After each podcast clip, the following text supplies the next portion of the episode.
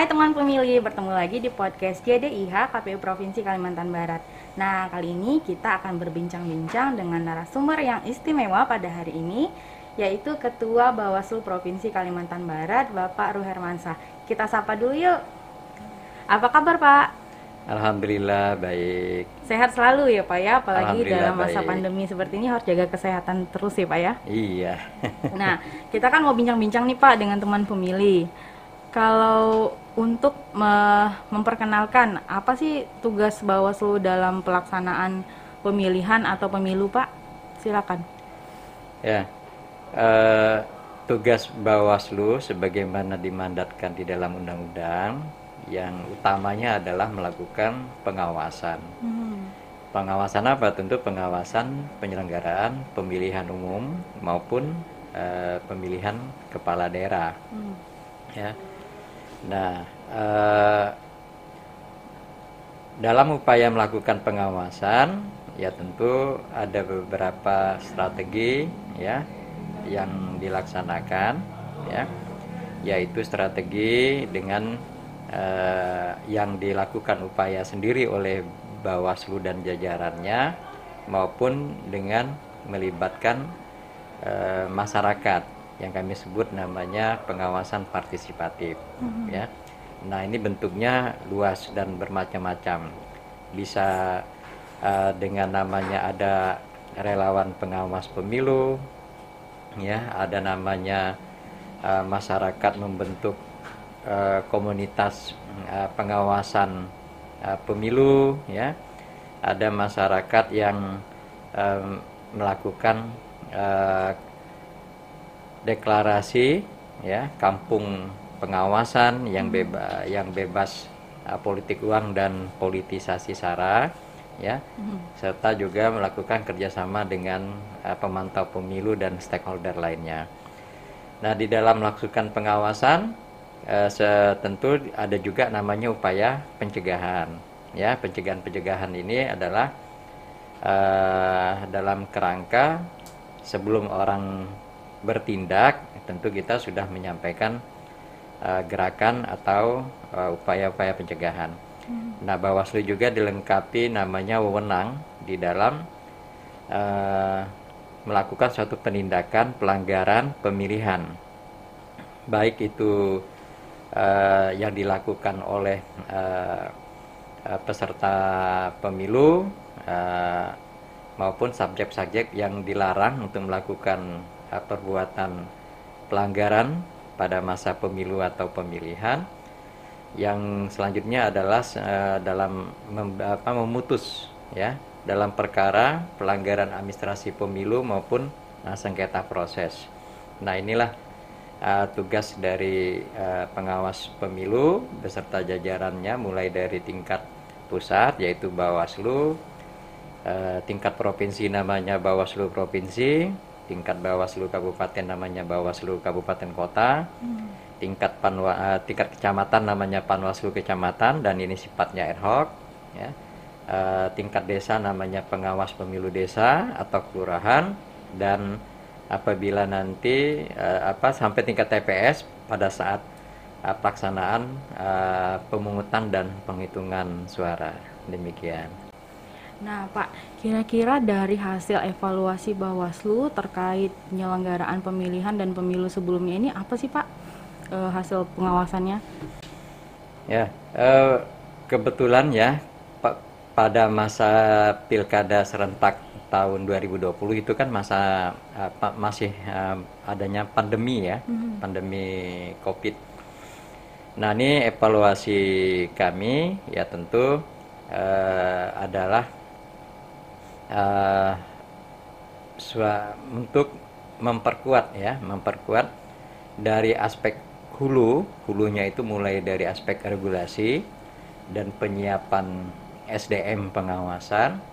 Nah, itu terka apa untuk memperkuat juga eh, regulasi terkait dengan eh, eh, regulasi yang mendukung untuk upaya-upaya eh, pada masa pandemi. Nah, eh, tentu yang selanjutnya adalah eh, strategi pengawasan, ya.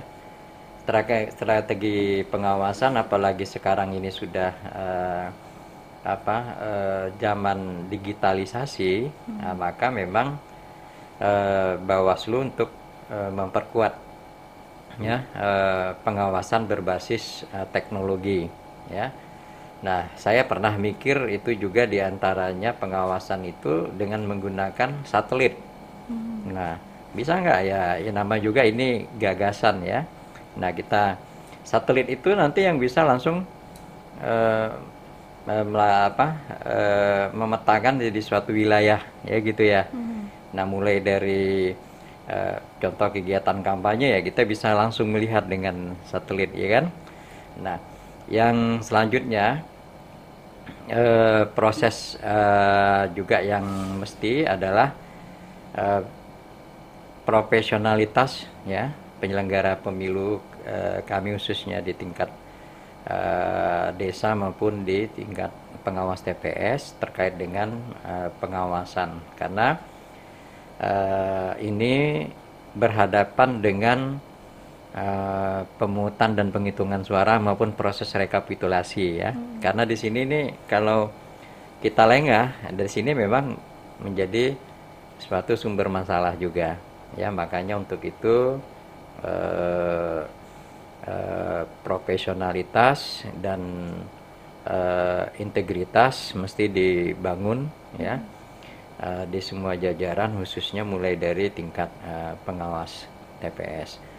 Nah, dan tentu untuk menghadapi pemilu tahun 2024 yang nanti juga berbarengan dengan pilkada serentak ya hmm. 2024 uh, maka uh, di antaranya yang perlu diupayakan ya kita akan uh, pingin peng pengawas pemilu itu yang uh, sehat ya hmm. yang sehat uh, mulai dari awal sudah ada pengecekan karena nanti tugasnya lumayan berat, berat ya uh, karena uh, berbarengan lagi sebelum selesai ini kita nanti masuk tahapan nanti ada beririsan yang tahapan pemilu sama tahapan uh, pilkadanya. Hmm. Nah, uh, yang lanjutnya tadi makin memperkuat uh, mekanisme sistem ya apalagi kita masih belum bisa uh, apa 100% ya hmm. bahwa pandemi akan berakhir. Ya bisa saja masih berlanjut tapi kita berharap mudah-mudahan cepat selesai cepat apa uh, berakhir gitu Pak ya? berakhir ya? pandeminya ya namun demikian ya karena sesuai dengan era sekarang era arus informasi dan digitalisasi ya tentu kita uh, mempersiapkan juga uh, apa pengawasan berbasis uh, teknologi seperti itu. Mhm. Nah, terkait penyelenggaraan pemilu dan pemilihan yang sudah lalu nih Pak. Hmm. Tentu saja pasti ada kendala-kendala yang ditemui eh, petugas-petugas uh, dari Bawaslu dalam mengawas, menjalankan fungsi pengawasan. Bisa nggak Bapak ceritakan dengan teman pemilih apa saja sih Pak jenis-jenis hmm. kendalanya yang ditemukan?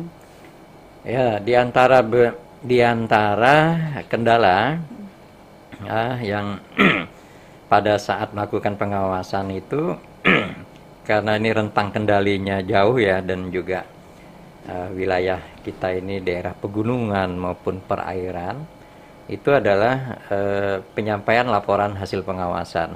Hmm. yaitu apa? Jaringan internet. Hmm. nah itu beberapa di antara kendala. Namun tentu itu kita harapkan eh, apa? Kita ya jadikan itu cambuk juga ya motivasi bagaimana akhirnya kita harus menyampaikan hmm. Nah, maka di antaranya yang kami lakukan strateginya adalah eh, dalam menyiapkan dalam bentuk format file dulu, mm-hmm. soft filenya ya. Mm-hmm. Nah, soft file itu nanti dikirim ke tingkat kecamatan, kecamatan desa, desa apabila ada jaringan baru dikirimkan. Kirimkan. Mm-hmm. Nah, apabila masih belum maka dikirim ke tingkat kecamatan yang sudah ada ja- yang jaringan terjangkau. Mm.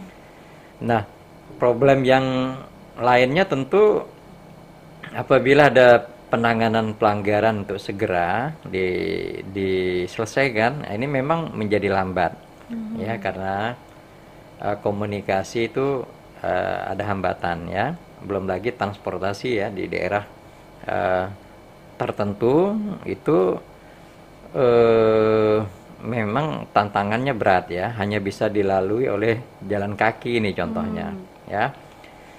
Nah ini beberapa tantangan dan uh, apa uh, problem. Yang selanjutnya tentu uh, adalah juga uh, apa pendidikan masyarakat ya, pendidikan politik.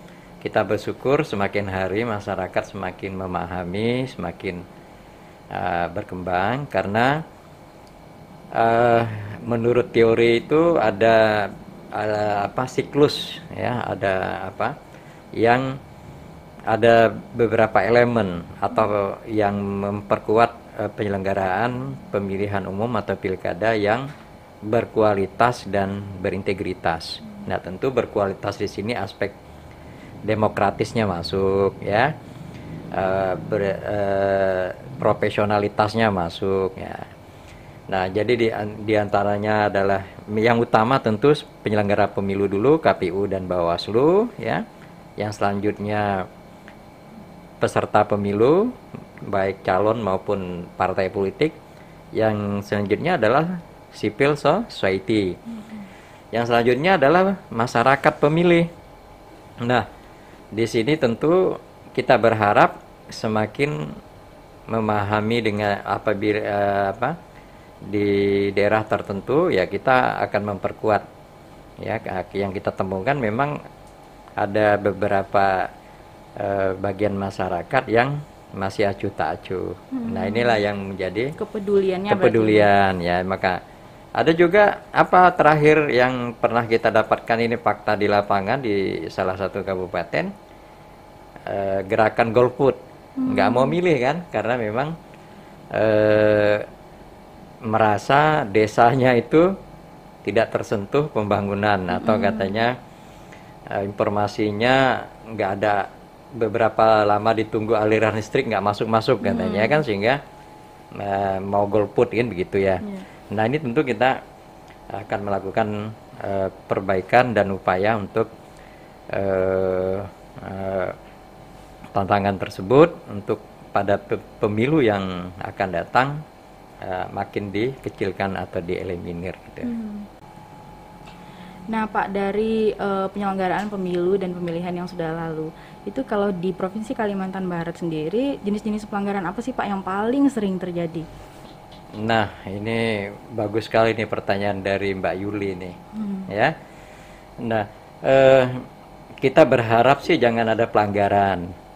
Namun eh, kita menampilkan 0% itu eh, apa? Eh, bisa saja faktanya akan ada juga ya. Namun tentu kita sama-sama memiliki misi pertama mencegah pelanggaran yang apabila dicegah masih terjadi mau nggak mau diadakan penindakan. Hmm. Nah ada ke, uh, sebelum saya sampai saya jawab pertanyaan saya coba jelaskan dulu uh, kategori uh, pelanggaran ya itu ada tiga jenis uh, pelanggaran. Pertama pelanggaran administrasi. Hmm. Nah pelanggaran administrasi ini adalah uh, perbuatan atau pelanggaran terkait dengan administrasi. Contoh kasus eh, tentang tata cara, mekanisme dan prosedural, hmm. ya. Nah ini wewenangnya ada di KPU, ya kan? Hmm. Da, yang yang yang eh, apa untuk menindaklanjuti terkait dengan dugaan apabila terjadi pelanggaran administrasi, ya.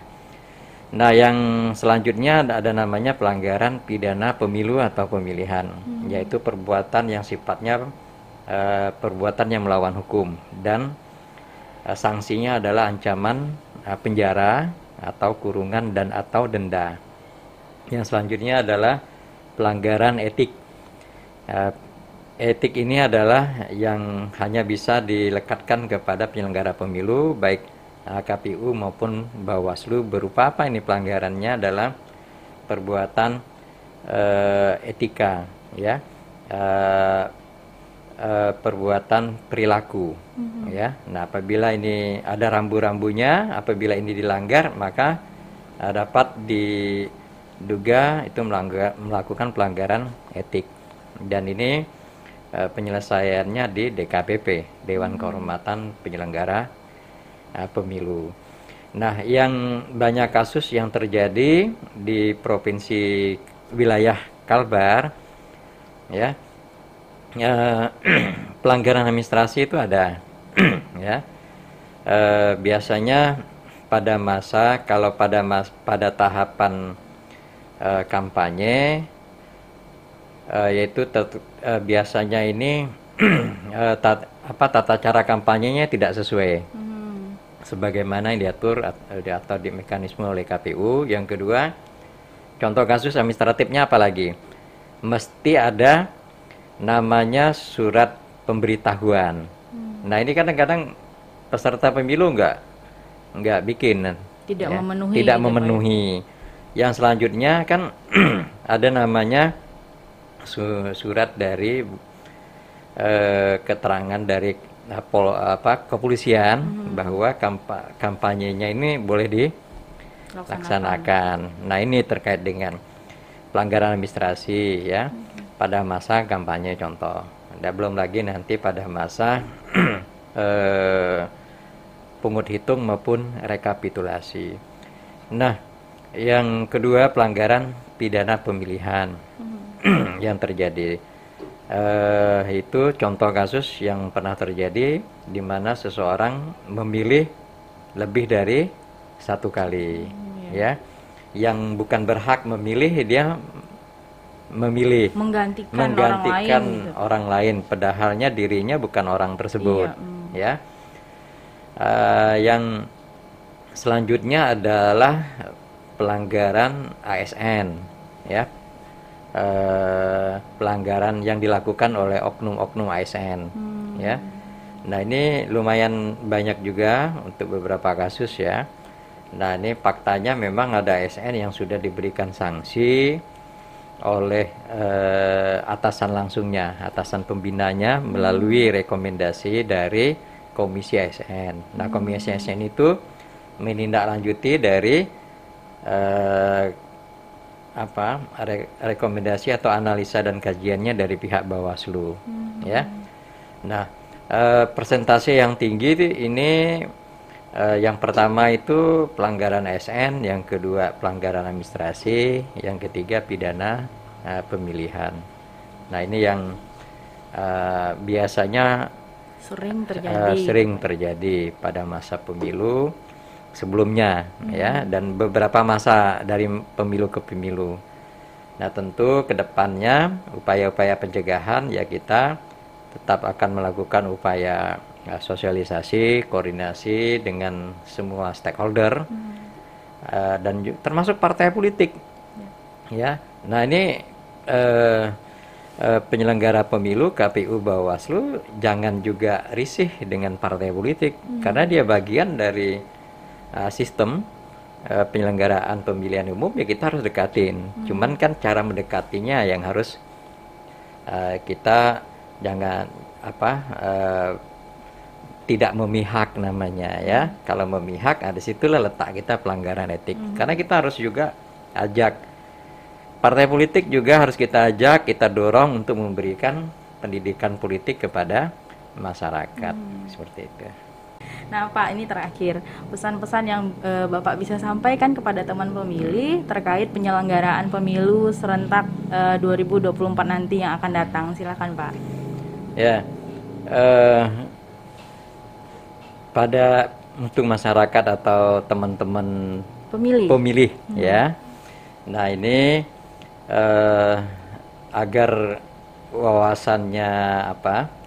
Uh, memilih yang tepat atau apa ya ya tentu boleh bertanya baik ke KPU maupun ke Bawaslu hmm. jangan diam aja yang kedua ya jangan juga mudah terprovokasi hmm. ya kepada eh, berita-berita uh, yang yang masih apa yang berita-berita yang yang tidak benar gitu ya. Hmm. Maka untuk validasi berita yang benar maka di cross check. Ya datang ke KPU, datang ke uh, Bawaslu hmm. ya.